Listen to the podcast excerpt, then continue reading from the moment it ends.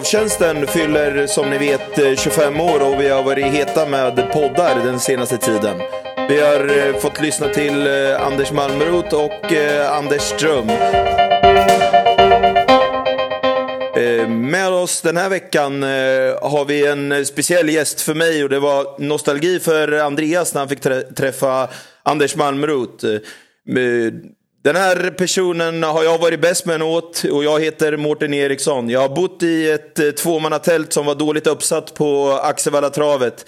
Det är killen som inte gick ut gymnasiet men ändå har fått eh, bra arbeten. Han har överlevt tsunamin, han har jobbat på travtjänsten och han har varit sportchef på Solvalla. Med oss idag Mattias Stenby, välkommen. Tack för det. Ja, som sagt, eh, speciell känsla för mig eh, att, eh, att ha med dig här. Och, eh, eh ja, vi är båda födda 77 och från Lilla Adolfsberg i Örebro. Och vi har gjort eh, samma resa lite inom travet på, på det sättet att vi båda har jobbat på travtjänsten i alla fall. Ja, absolut. Vi har ju en hel del eh, sådana där gamla travgrejer ihop. Vi började med att springa med lister på Örebrotravet när vi var små och sen så har vi ju fortsatt eh, eh kampera ihop eh, i travsammanhang både på, på banor och eh, så. Va? Och nu, nu är du på travtjänsten, det är ju inte jag kvar där, men, men eh, så att eh, det är ju en, en, cirkel som är lite sluten kan man väl säga på det sättet. Ja, absolut. Eh, ja, som du var inne på. Du sprang med lister och jag sprang också med lister. Men eh, min pappa var, var huvudstarter på Örebrotravet och så föddes jag in i travet. Kan du berätta för lyssnarna hur, hur, hur du kom in i det eh, när du var ung? Ja, det var ju så. Min, min pappa var ju eh, privattränare och eh, även kusk då. Eh, men han slutade ju med trav eh, ganska tidigt. Eh, jag var väl bara något år när han valde att sluta för han eh, tyckte inte att det var något bra att, att, att fortsätta med travet då när han hade fått barn.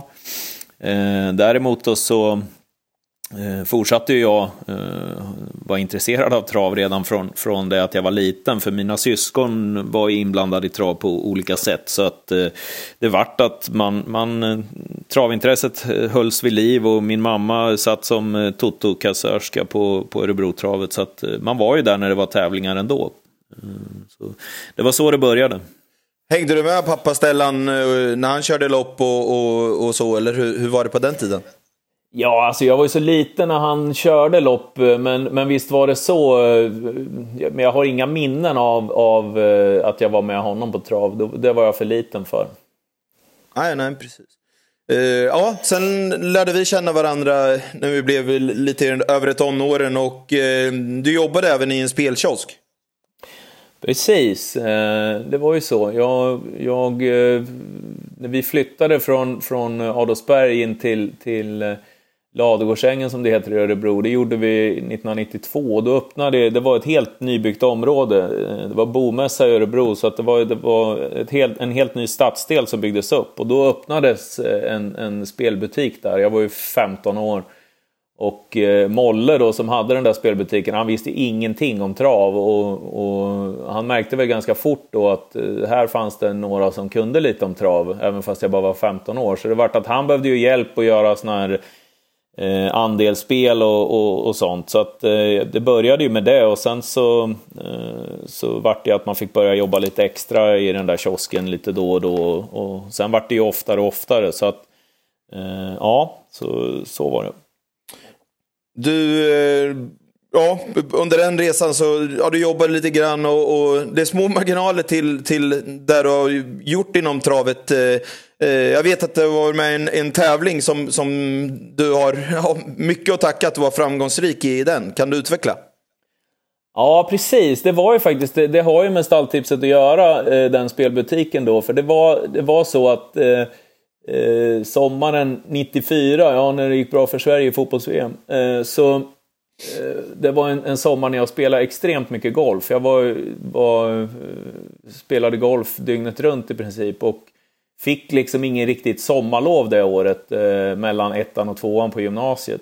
Så att när tvåan eh, på gymnasiet började då i augusti så var, eh, så var jag var helt färdig som, som eh, människa liksom. Eh, och eh, eh då var det så att Eh, Eh, jag gick några veckor där på gymnasiet och, och kände direkt att jag, kommer aldrig palla det här. Eh, så att eh, jag valde att hoppa av skolan och göra liksom en satsning på golfen den hösten istället.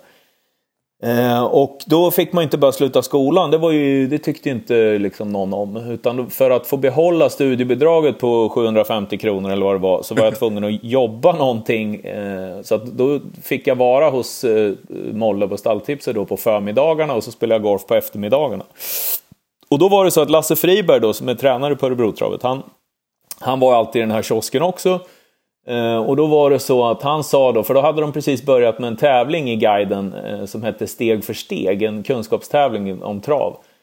Och då sa han, äh, vi anmäler dig till den här tävlingen, sa han. Nej, för fan, det kan vi inte göra. Jo, sa han, du, vi anmäler dig till den här. Så vi skickade in en bild på mig och sen så fick jag vara med i den där tävlingen. Och det tog ju bara några dagar så ringde, jag kommer inte ihåg om det var Jan Hydrén tror jag det var, som nu jobbar inom norsk eh, travsport. Jag tror det var han som ringde upp första gången. Och så fick jag vara med i tävlingen och möta Sven Melander. Eh, och så slog jag ut Sven Melander i den där kunskapstävlingen. Och så veckan efter fick jag möta Mats Näslund. Eh, och eh, då var det Micke Nybrink som ringde och ställde frågor. Och jag kommer ihåg, han ringde mitt i när jag var som, som eh, mest stressad i, i butiken. Jag var själv i butiken när han ringde. Men jag lyckades ändå vinna den där andra veckan. Eh, och sen tredje veckan fick jag möta Thomas Nilsson. Som då, eh, ja, han var ju väldigt mycket i tv på den tiden och var ju deras expert där. Och då slog jag honom också. Och efter de där veckorna då så ringde eh, Micke Nybrink igen och sa att nu får inte du vara med längre så att eh, du, ja, vi gör om reglerna här. Man kan bara vinna tre veckor så du får inte vara med mer. Men Man kan säga att du var lite fel vinnare för dem. De, de ville inte ha en, en, en liten valp som, som, som inte var känd så att säga, eller? Nej, det kanske var så, jag vet inte. Men, men det, det var inga kändisar som vann den där tävlingen i alla fall. Och då var det så, då sa han, Nej, men har, har du inget annat för dig någon, någon dag och du är i Stockholm så får du gärna komma förbi, ska vi visa hur det ser ut här på kontoret, sa han. Så att eh, det var en dag i december där i slutet av 94 då som, som eh, jag åkte upp, jag skulle hälsa på min syrra i Stockholm. Så då svängde vi in där och eh, jag gick in, Nybrink mötte upp mig där och gick in och så fick jag komma in till Björnan Holmqvist som var, som var eh, chefredaktör på guiden då. Jag kommer ihåg vi gick in på hans rum, han rökte Bellmans gästa. eh, och det var liksom, det var som, det var helt, det var som en dimma när vi gick in på hans rum. Och så tittade han upp från sina glasögon och så tittade han på mig. Och så sa han, kan du börja jobba här om två veckor, första januari? Så. Jaha, liksom, jag vart ju helt chockad. Liksom. Jag behövde inte göra någonting. Och så vart man erbjuden jobb. Och, ja, på den vägen var det. Jag var 17 år och så att, eh, jag gav upp golfkarriären och började jobba på guiden istället två veckor senare. Ja, det är en rysare. Den, den, den, ja, ja för man kan ju säga så här. Hade jag åkt ur eh, första eller andra veckan i den där tävlingen, då hade de ju aldrig brytt sig om mig något mer. Och då hade man kanske ja, antingen spelat golf eller också hade man eh, börjat om i skolan igen året efter förmodligen. Så att, ja, hur var tankarna? Var det att säga ja direkt och, och då som, som nybliven 17-åring och, och, flytta upp till Stockholm utan föräldrar och allt sådär? Eller hur, hur gick tankarna? Jo, men det var ju så, alltså, jag, hade ju, jag var ju tvungen att prova i alla fall. Eh, jag fick en provanställning eh, på, jag skulle vara provanställd i tre månader tror jag det var. Eh, och det var ju inte lätt att hitta någon bostad eller något sånt där, inte ens på den tiden. Va? Men jag hade två systrar som bodde i Stockholm så jag bodde eh, lite hos dem. Men redan efter en månad så fick jag reda på att du får vara kvar. Så att, eh, då fick jag tag i ett boende eh, ganska nära eh, Solvalla där. Så att, eh, eller nära guiden kan man säga. Mariehäll låg du i då. Så att, eh, eh, ja, nej, så det löste sig ganska bra. Om du ser tillbaka nu, ja, lite drygt 20 år senare, eh, tror du att det här skulle vara möjligt nu? Och, och, är det någonting du skulle kunna eh, råda dina söner att hoppa av skolan eller hur, hur, hur ser du på det? Eh, nej, alltså det här tror inte jag är möjligt i dagens läge. Jag tror alltså hoppar man av skolan idag, då, då anser nog folk att det är något fel på en på det sättet. Liksom. Alltså, det, jag, jag, tror inte att man kan få den här möjligheten idag. Det, det är vad jag gissar. Om, eh, och jag skulle ju definitivt inte råda mina egna två söner att, att eh, hoppa av skolan eh, på det sättet. nej, absolut inte. Nej. Det gick bra för dig och, och eh, du jobbade på guiden och även eh, sedermera på stalltipset. Kan du utveckla det här? Eh, ja, precis. Jag började, jag var ju där på guiden då. Det här var ju första januari 95 och sen så i det var ju ett skönt gäng som jobbade där då. Och det var ju Nybrink och Jan Hedrén och sen var det ju Lilleman Forsberg. Eh, vi hade ju Peter Palmqvist, Eh, Marcus Lindgren. Eh, ja, det var många där som, som, som eh, jobbade. Och då, sen var det ju då att efter ett par år där så, så Peter Palmqvist gick ju från guiden och eh, tog över stalltipset då. Då värvade han över mig till stalltipset, så då gick jag dit. Eh, och så var jag där då i drygt något år innan eh, de gick i konkurs. Och samma dag då som, som, eh, som eh, Stalltips gick i konkurs så kommer jag ihåg, då ringde Marcus Lindgren och frågade om jag var intresserad av att börja hos jobba hos dem då, som var han var ju på travtjänsten då. Mm. Så det var så, så det blev travtjänsten sen. Ja, ja intressant. Eh, hur såg eh, en arbetssituation och en, en vecka ut då? Eh, kan du eh, minnas tillbaka och, och, och gör du det? Ja, alltså då, eh, då när jag började på travtjänsten, det var hösten 98 om jag minns rätt, så var det, då satt jag, då hade jag flyttat tillbaka till Örebro eh, så att jag satt i en, en tvåa på Markgatan i Örebro eh, och hade då ett kombinerat kontor och sovrum. Och där inne då så hade jag min uppkoppling mot text-tv, för det var så det funkade på den tiden att Travtjänsten jobbade ju stenhårt mot TV4s text-tv.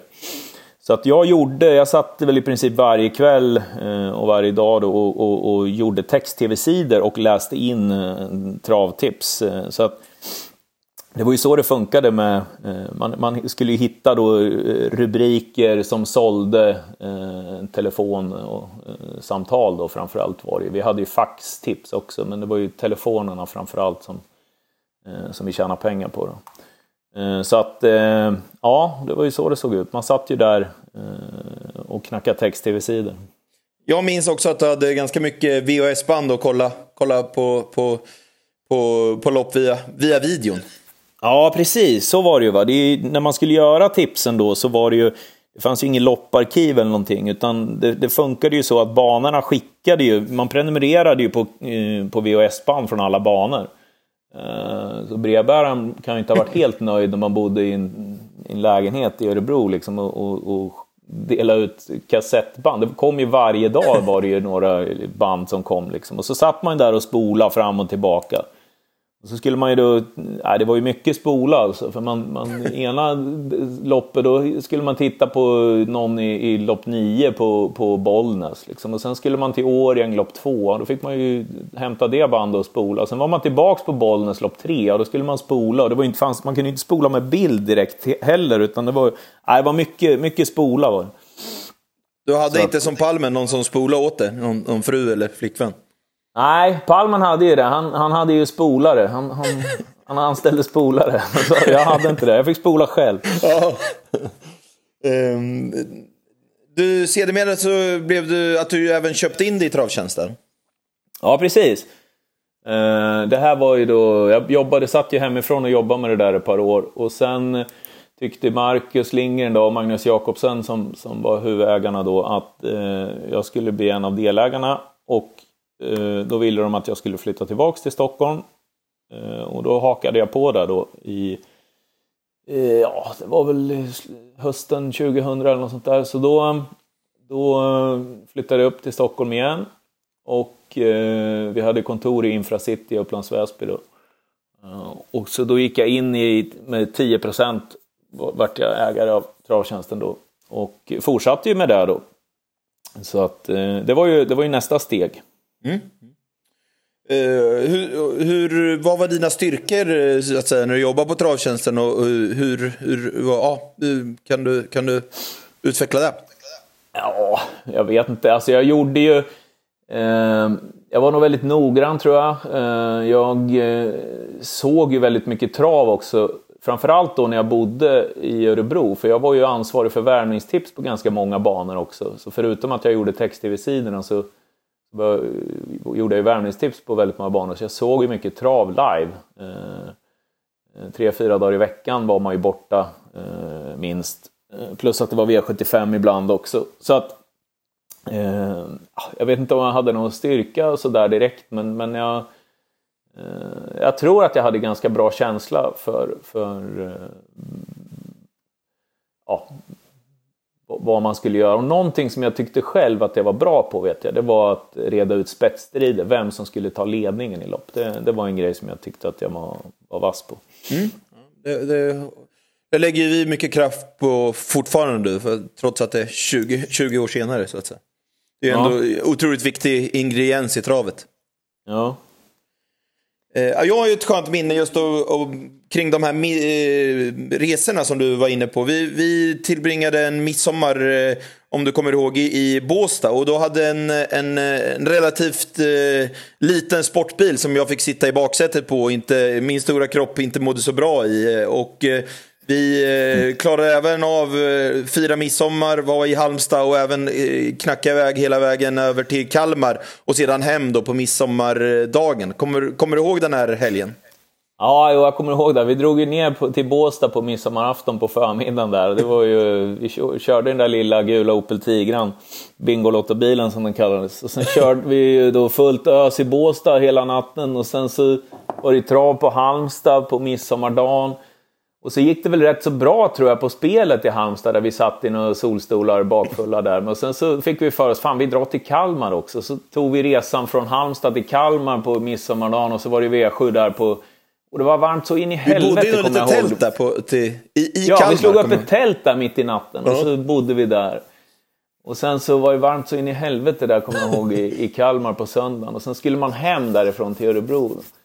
Säkert du gör några text-tv-sidor sen när man kom hem också. Jag vet inte, men det var väl något sånt. Usch, det var en rysare. Det hade man inte klarat i, som 41-åring. Nej, nej, det hade man inte klarat idag. Det hade aldrig gjort.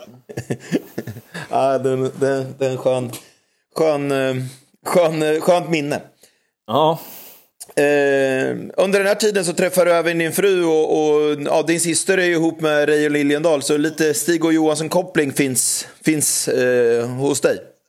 Ja, precis. Det var ju där i den vevan hösten 2000 där när, när, eh, när jag skulle ta steget och bli delägare i, i, i travtjänsten då, så då träffade jag Karo som då var hästskötare hos, hos eh, Stigo. Och min syra Lena då, hon, hon eh, har ju varit gift med dig och i, i väldans massa år, lika många år som, som jag är gammal. Hon, hon är ju några år äldre än mig. Eh, så att eh, jag hade ju eh, jag var, hade mycket kontakt med, med Stig och var på, på gården där mycket. Eh, både på, eh, tack vare då att Lena och Reijo bodde där och att eh, då Karo jobbade där. Eh, så att, eh, ja, så var det. Jag vet att du berättade någon gång en, en ganska skön historia när Stig och Reijo, när de körde jobb, att eh, eh, det stod inte, det var inte 8.20 de skulle köra eh, jobbet utan det var 8.18 och man kunde nästan ställa klockan efter, efter när de körde sina jobb. Ja, ja det, det, gick aldrig, det bommades aldrig med en, med en sekund. Alltså, gick jobben liksom på den tiden, då gick de då. Så, mm. och, så det, var, det var ingen som var sen. Nej. Ja, nej. Um, du var inne på, på, på ditt kontor som i din lilla lägenhet på, på Malmgatan var det, var i Örebro? Mark, Markgatan. Mark, Markgatan, Markgatan ja. ja, Eh, och, och något som jag var fascinerad över att eh, vi kanske inte kollar på Idol eller det fanns inte på den tiden. Vi kanske kollar på Baywatch eller någonting och vi satt och, och, och, och, eh, hade trevligt i rummet och sen helt plötsligt så sa du bara Ehm, jag ska bara gå och jobba lite grann. Och så gick du iväg fem meter eh, och gick in på ditt eh, lilla så kallade kontor. Och sen fick du en helt annan röst och läste in eh, ja, någon analys eller någonting. Jag var väldigt fascinerad över det här när vi var 20 år. Och, och ehm, eh, Kommer du ihåg det? Ja, jag kommer ihåg det där. Och det är klart, det var ju så. Jag hade ett, ett jädra, även om jag satt hemifrån och jobbade då, och det var ganska lugnt på det sättet. Alltså att man kunde man kunde styra ganska, ganska mycket själv när man jobbade och så. Men sen hade jag ju då ett, ett väldigt stort ansvar trots att man var så ung. Jag hade ju vissa tider som då skulle ju tipsen ut och det var värmningstips som skulle in och text-tv-sidor som skulle uppdateras. Det fick ju inte bommas liksom för att om, om inte tipsen fanns inlästa 19.00 Ja, då var det ju kunderna som var vana vid att kunna ringa 19.00. Eh, för det, det, ofta hade vi då, om vi hade tips inlästa till 19 och så var spelstopp 19.15, ja då var ju, man var ju tvungen att ha klart senast 19 för att de skulle hinna ringa och sen skulle de hinna lämna in sina spel också. Så att man var ju tvungen att, att, att, att göra det exakt på deadline. Det gick ju inte liksom att eh, ja, dra över med någon minut. Så att, eh, då, ja, man var ju tvungen att göra sådär. Sen när jag hade läst in klart och uppdaterat text-tv-sidor, då kunde vi gå ut och sitta på balkongen igen och, och, och fortsätta dricka någon öl och så.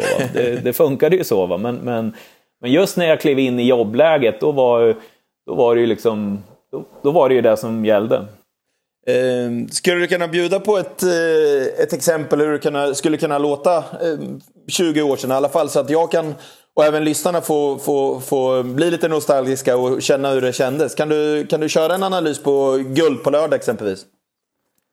Ja, men exempelvis då liksom eh, så... Eh, ja, men man, man, hade ju en helt annan röst, så hade man ju då. Så att eh, om vi då sk skulle säga om gulddivisionen på lördag så skulle man ju kunna eh, köra liksom att... Eh, ja, eh, Jerry har ställt i ordning och tar platsen i Elitloppet. Ungefär något sånt. Liksom. Man drog ju till med någon, någon, någon, eh, någon röst och sen så ja, sen börjar man läsa, läsa tipsen. Ja, ja. ja precis. Jag kan, man kan verkligen, jag kan verkligen minnas tillbaka hur det var. Och sen att du kom ut ur, ur, ur, ur det där rummet och sen var en, en vanlig person igen nästan. Det var, det, var, det, var, det var en speciell känsla för mig. Ja, ja. men det var, man var lite tvådelad. Ja. Eh, under den här tiden och så, vilka kollegor och, och så hade du på, på, på travtjänsten? Eh, nej men då var det ju, eh, då när vi, när vi satt i Upplands Väsby på Infracity, då var det ju Marcus Lindgren, Magnus Jakobsen, eh, framförallt, jag kommer inte ihåg riktigt vilka mer det var som, eh, som var med just där. Vi hade ju lite på folk på distans då, Ville Forsbrandt, Jan-Olof Molin som nu är sport, mm som nu är sportchef på, på Halmstad. Eh, var ju med också. Eh, ja, men, ja, jag kommer inte på så här på raka arm. Men sen vart det ju så att eh, efter något år där i Upplands Väsby så vart ju travtjänsten såldes in till, till Dagens Spelkoncernen som då var den största då och hade jag hade ju alla möjliga sorters tips. Körde ju bland annat eh, eh, ATGs ombuds-TV och, och, det var ju alla väggtidningar som fanns och alla faxtips och vi hade ju hundtips och vi hade ju allt möjligt. eh, nej men det fanns allt liksom. Sport, eh, sporttjänsten var ju en del av travtjänsten också. Okay. Eh, och eh, då vart vi ju, så då flyttade vi in till Rissne och satt där. Så då vart jag ju delägare i Dagens Spelkoncernen istället. Mm. Och då, då vart vi ju väldigt många. Eh, som, som satt under samma tak. Då var vi väl 55-60 stycken ett tag som, som var där. Och då var det ju eh, ja, bland annat några av dem som man ser i tv idag. Mattias Anderberg var ju med där. Anders Malmrot var ju med. Eh, jag kommer inte ihåg alla som var med där, men det var eh, Lennart Persson, det var, nej, det var väldigt många som, som, eh, som satt under samma tak. Och Sporttjänsten var ju en del då också som, var, som uppdaterade ju text-tv på sitt sätt. De körde ju resultatuppdateringen då på, på text-tv. Nej, det var, det var mycket, det var en rolig tid. Ja. Uh, under den här resan, du som är rätt så ung, har du en, en skön spelhistoria som jag... Uh, hur, hur, hur, man prioriterar på den tiden som jag uh, vill att du ska bjuda lyssnarna på, för den tycker jag faktiskt är överlägsen. Ja, så prioriterar man kanske inte riktigt idag när man har barn och familj och så, men jag förmodar att du syftar på när det var... Eh, jag bodde... Jag cyklade till och från, från jobbet eh, och så, så var det... Eh, på vägen där så fanns det en spelbutik och i den där spelbutiken så brukade jag stanna till och köpa mjölk. Man, man hade inte så mycket Eh, man hade inte så mycket mjölkdricka förresten, inte alls idag, men på den tiden gjorde man det. Då var, alltså man hade inte råd att äta speciellt mycket, utan det var mjölk och flingor de dagarna det var riktigt illa. Liksom, innan som, lön som man, eller? Ja, innan lön. Det här ja. var ju dessutom den 24, kommer jag ihåg. och så var det...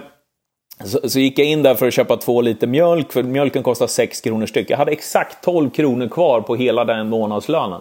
Så det var två liter mjölk som gällde då. Så gick jag in där i affären, eller i spelbutiken då. Och sen fick jag syn på, äh, fasen jag ska kolla vad det är på, på dubben idag. Så jag, om jag minns rätt så var det Romme eller Rättvik som körde. eh, Dagens Dubbel den 24. Och så gick jag in där och så fick jag syn på, fan, Only Madonna, Micke J. Andersson startar idag. Helvete, det hade man ju missat. och så, så stod jag där och tänkte, fan ska jag köpa de här två liter mjölk eller ska jag lira en dubbel för 10 spänn plus två inlämning? Det kostar ju 12 också. Ja, ja.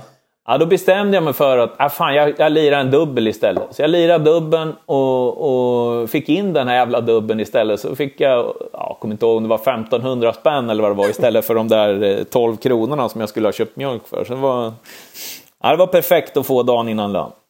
Ja, det, det, är en, det är skönt när man står och väger där mot varandra. Mjölk eller spela Mickey J. Ja, precis. Jag var jävligt hungrig kommer jag ihåg på kvällen sen. Innan. Efter man, när, man inte kunde, när man inte kunde käka något. Nej, nej, precis. Ja. Eh, under den här tiden så, så eh, ja, du och Malmrot, ni går lite on-lot på varandra och, och, du får ett jobb på Örebrotravet som sportchef och, och Malmrot kommer in på travtjänsten. Ja, precis. Eh, ska vi se då, det här måste ju vara någon gång i slutet av 2003 så, så skickade jag ett mail till Lillis. Jag kände ju inte Lillis på något sätt då, men, men då skickade jag ett mail till honom för jag hade läst att eh, Göran och Britt Abrahamsson skulle gå i pension på, på Örebrotravet och Lillis jobbade ju där som marknadschef då. Så då skickade jag ett mail till Lillis och skrev att eh, eh, jag har sett att Göran och Britt ska sluta, kan det finnas något för mig eh, så är jag intresserad. så att eh, sen tog det väl då en tid, men sen så hörde de av sig från Örebrotravet och det slutade med då att jag fick jobb då på, på Örebrotravet och då sålde jag ju Eh, min del i Dagens Spelkoncernen då och eh, jag var ju på den, då var jag redaktionssekreterare, eller vad kan det heta, på, på travtjänsten. Och den tjänsten då eh, tog Anders Malmrot. Eh, så att han tog över mitt, mitt eh, eh, chefsjobb då på, på travtjänsten så att säga. Och, eh, gick då, för han var ju mycket, mycket ombuds-tv innan det, men valde ju att kliva av ombuds-tv då för att eh, ta travtjänsten-jobbet istället. Eh, och jag flyttade ju då till Örebro igen och, och började ju då där. Och sen tog det ju en stund på Örebro då, men innan jag var sportchef på Örebro Travet. Men, men eh, ja, nej, så då tog jag nästa steg i, i, i trav, travvärlden. Ja. Uh, och jag vet att du, du var på Örebrotravet som sportchef relativt ung i, i två år. Sen, sen uh, var det ett annat eh, jobb som lockade och du absolut inte kunde tacka nej till. Nej, precis. det var ju så. Jag var ju på Örebro då ett tag. Det var jag och Lille som, som körde där och efter, ja, sen, sen rätt som det var en dag i november 2005 så ringde Robert Karlsson och sa att jag skulle vilja träffa dig, vi har ingen sportchef på, på Solvalla just nu. Då hade Hans G Lindskog precis varit där. Så Robert ringde och frågade om jag skulle kunna vara intresserad, han ville i alla fall träffa mig och så. Så eh, vi träffades där och eh, eh jag vart erbjuden jobbet och han ville att jag skulle eh, börja där redan 1 januari 2006. Så det var ganska snabba puckar där att ta beslut och sen då flytta igen. Mm. Eh, och Eh, Eh, min fru hade precis blivit gravid och vi skulle ha vårt första barn och vi hade bestämt oss för att vi skulle bo i Örebro. Eh, och min fru ville absolut inte, hon är ju från Stockholm men ville absolut inte flytta tillbaka till Stockholm nu utan hon ville ju vara kvar i Örebro. Men till slut så kom vi väl ändå fram till att äh, men vi måste ta den här chansen, tänk om vi inte tar den. Så då, då vart det ändå att vi flyttade och eh, jag blev sportchef på Valla då. Ja, eh, och, och ja, för mig då som, som har upplevt resan att vi har stått på elläktaren ihop och, och eh, jublat med konstiga hattar och, och leta ja, nästa spel och göra en V5 ihop. Till att stå på samma eläktare och se dig i kostym på inneplan och, och vara chef över eh, eläktaren. Ja, det var verkligen en, en skum känsla och, och ja, en, en, en jäkligt häftig resa och, och ha fått upplevt lite tillsammans med dig så att säga. Ja, nej, det är klart att det vart ju väldiga kontraster mot, mot vad det hade varit innan. Jag hade ju aldrig missat ett Elitlopp liksom från eläktaren. Man var ju alltid på eläktaren och man var där på morgonen och sprang och skulle ta plats. Och det spelar ingen roll hur länge man hade varit uppe på natten. Man, man missar inte att stå först i kön på, på morgonen i alla fall och springa. Så var det ju. Och det är ju eh, från, från det då till att, eh, helt apropå vad den som var, skulle vara ansvarig. Nu hade ju jag eh, första året eller första åren då så hade jag, jag jobbade ju jättetajt med Klaus Kock som var mm. till fantastiskt stor hjälp, så var det Men det var ju ändå jag som var ansvarig. Han var ju bara en, en, en konsult så att säga som, som hjälpte mig. Utan det var ju, jag hade ju Framförallt så var, var det ju otroligt mycket eh, samtal och media och liksom press utifrån. Och framförallt första året så var det ju så mycket människor som la sig i och som tyckte att man var en idiot och mm. hur, hur, kunde man bjuda in den och så vidare. Det var ju, jag kommer ihåg, vi fick, på den tiden hade man ju fast telefon och sånt. Det gick inte att ha för folk höll på och ringde på sent på kvällar och nätter och, och, och, och så. För att, så vi fick ha skyddat nummer kommer jag ihåg för att det var så mycket idioter som tyckte och tänkte. Eh, så att eh, ja. Eh, så visst, det, det, det, var, det var en väldig omställning där att gå från från publik till, till, eh, eh, ja, till, till, att vara ansvarig, det var det. Eh, en lite rolig anekdot är ju att under alla åren som du var eh, på, på, på eh, sportchef så, så, kom du alltid upp till oss ändå och, och kände stämningen. Även hur mycket jobb det var och stressat det var så var du ändå hos oss i 10-15 minuter bara för att känna eh, det gamla och det du hade fått upplevt. Och, och ja, det, det, är ändå en, en, en speciell känsla och säkert eh, att Eläktaren betydde mycket för dig även om du var i den rollen du, du, du, du, du då hade så att säga. Jo visst, det var ju så. Man ville ju ändå dit och känna på stämningen lite, så var det ju. Eh, så att det, är klart att man ville gå dit. Så ja. Eh, hur många år eh, blev det som att du var sportchef på, på, eh, på Sovalla och är det någonting som du kan bjuda på nu som tiden är preskriberad och, och, som du kan, du kan släppa nu någon, någon liten rolig anekdot under de tiden, åren som du, som du var ansvarig? Eh, absolut. Eh, det var, jag var i fyra år som jag var sportchef på Valla. Eh, så att 2006 till 9 då, då, då var jag sportchef. Sen fortsatte jag jobba med Elitloppet när Tore Fyran sen tog över. För han ville ha fortsatt hjälp av mig. Så att jag höll på med det i fem år till efter det. Så att totalt nio Elitlopp var jag delaktig i. Då. Men de fyra första där från 2006 till 9 det var väl så att säga mi, mina år om man, om man kan kalla det det. Eh, och eh, det är klart, första året där var, var ju, kändes ju hur bra som helst fram till eh, dagen innan midsommarafton när vi fick reda på att Jagde Beloué och Let's Go var, var dopade. Ja. Eh, men eh, sen kommer jag ihåg året efter då, när, när Mr Musselman kom det var ju en sån här grej att han, Hans G Lindskog hade ju 2005 då gjort allt för, för att få hit honom men då, då eh, kom han ju inte eh, så att säga. Och sen då så eh, lyckades vi få hit honom men det var liksom som att Även om det var klart, han var inbjuden och klar, så det var ingen som trodde han kommer inte, det, det är lugnt, han kommer inte. Jag kommer ihåg hos spel, spelbolagen då eh, så var det ju liksom att det var jättehöga odds på honom liksom ända fram så här, en, tre, fyra veckor innan Elitloppet. Det var fortfarande ingen som trodde på att han skulle komma. Jag vet jättemånga, för jag var ju säker på att han skulle komma och det var ju liksom, ja, men kommer han väl? Ja, det är klart han kommer, allt är klart liksom. Så att det var ju många eh, i min närhet, så att säga, eller närhet, men alltså runt omkring som, som spelade honom till att han skulle vinna Elitloppet. De fick ju så 80 gånger och 25 gånger på att han skulle vara bland de fyra, för det var liksom, ingen trodde på att han skulle komma, men så, det var ju, han kom ju. Lyckades ju inte vinna, men han var ju tvåa i, i, i finalen i alla fall. Referenten Patrik Nilsson var väl en sån som var där på Toton och hade spelat Misse Masson? Ja, ja, Putte kommer jag ihåg. Han, han, eh, han, eh, han spelade ju. Eh, att, ja, det, det, var väl inte lätt för honom kanske att, att hålla masken i finalen riktigt. Där. Han hade, hade honom till 80 gånger, tror jag. Jag tror att det var så, ja. jag minns rätt. Men ja. Ja, ja. ja grymt. Uh, ja, sjukt eh, ändå att ja, vara ansvarig och jobba med det i nio år från att uh, ja, vinna en tävling till en, till en på guiden och, och vara en liten valp om man är, man är 17 år. Det, det, är en, det är en häftig resa. Ja, verkligen. Det var... Hade jag inte vunnit den där tävlingen i, i, i, i guiden så hade jag nog aldrig blivit sportchef på Valla. Det, så kan man ju säga. Mm. Eh, hur känns det nu? Det, saknar du den tiden? Och, och eh, eller hur, hur, känner du klar med det så att säga? Ja, alltså jag känner nog att jag är klar med det. Det var fantastiskt roligt. Eh, det, det var det. Det var, det, det, var jätteroliga år på, på Solvalla och det, eh, det måste jag säga. Men, men samtidigt så Nej, jag tror inte. Om jag skulle få frågan igen om jag skulle... Nej, jag skulle nog inte göra det en gång till. Det tror jag inte. Nej. Eh, utan jag, jag har nog gjort det.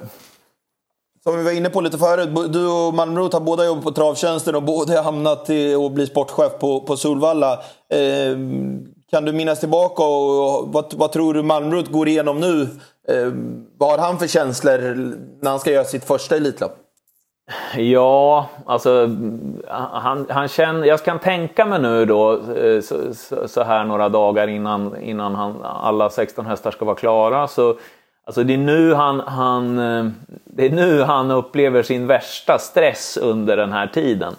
Eh, han, är, han är lite osäker på allting fortfarande och liksom kommer de här verkligen nu som han har bjudit in? Han har fått ja, men kan man lita på den här fransmannen eller kan man liksom... Alltså man, det finns mycket osäkerhet, en, en inre stress och press Samtidigt då som att det är en press utifrån mm. på alla som vill veta och den vill vara först och den vill ha info och den ska ha biljetter och den ska... Alltså det är så mycket runt omkring. Eh, och sen ska det klaffa, det ska förberedas för invigning, det ska vara polistillstånd och det ska finnas... Alltså det är så många eh, grejer som, som eh, ska fixas och trixas. Och som sportchef så är man ju med på i princip alla grejer, så har man ju ett finger med i spelet. Eh, så att jag tror att... Jag tror inte han sover speciellt bra just nu, Malmrot. Jag tror att han har, eh, han har ganska tufft just nu. Men eh, när han på söndag kväll eh, går och lägger sig. Eh, när, när, eh, Med något glas champagne i kroppen? Ja, då... Ja, men nu, jag tänker nu på söndag kväll, innan. Ah, söndagen okay. innan Elitloppet. Alltså då när startlistan är klar. Mm. Då, då kan han andas ut lite grann. Sen tar det ju ny fart på måndagen, för då ska eh, banprogrammen göras klart. Och då mm. ska, sen börjar folk ringa efter biljetter. Och sen då, han får mycket nya kompisar den här veckan. Ah, ja, okay. Eh, du kommer väl ihåg mig, vi träffades där på, på, på Kalmar förra året. Vet du? Jag, vi, ja, sådana. Ah, ah, eh, och de ska ha biljetter och grejer. Eh, Sen, och sen byggs det upp, då, men sen när själva tävlingarna är igång, då, då går det faktiskt att njuta ganska mycket. Det, okay. det, så är det. Jag hade mitt, jag kan säga, mitt för, första Elitlopp, då, första, jag kände precis så här att på söndagen då när startlistan var klar, eh, då, då liksom kunde man andas ut lite grann. Och sen gick måndagen och, och när måndagen var klar liksom så då kom ju verkarna på min fru. Så vi fick ju åka in till Danderyd och sen så fick vi ju barn på onsdagen i Elitloppsveckan, vårt första barn. Det var ju fint. Eh, så jag var ju borta liksom från, från allt jobb utan, med avstängd telefon på Danderyds sjukhus. Tre dagar, men det gick ju det också. Så ja. det, det, hade ju inte funkat liksom veckan innan eh, startlistan skulle bli klar. Då, då, kan man, då kan man inte vara borta tre dagar. Men tre Nej. dagar mitt i Elitloppsveckan, det funkar för då har det, liksom, då har det mesta gjorts klart. Så att ja. säga. Ja. Ah. Eh, vi, vi, har, vi har kört på ganska bra här och det har blivit relativt lång tid. Hur, hur ser din eh, tillvaro ut nu och vad jobbar du med?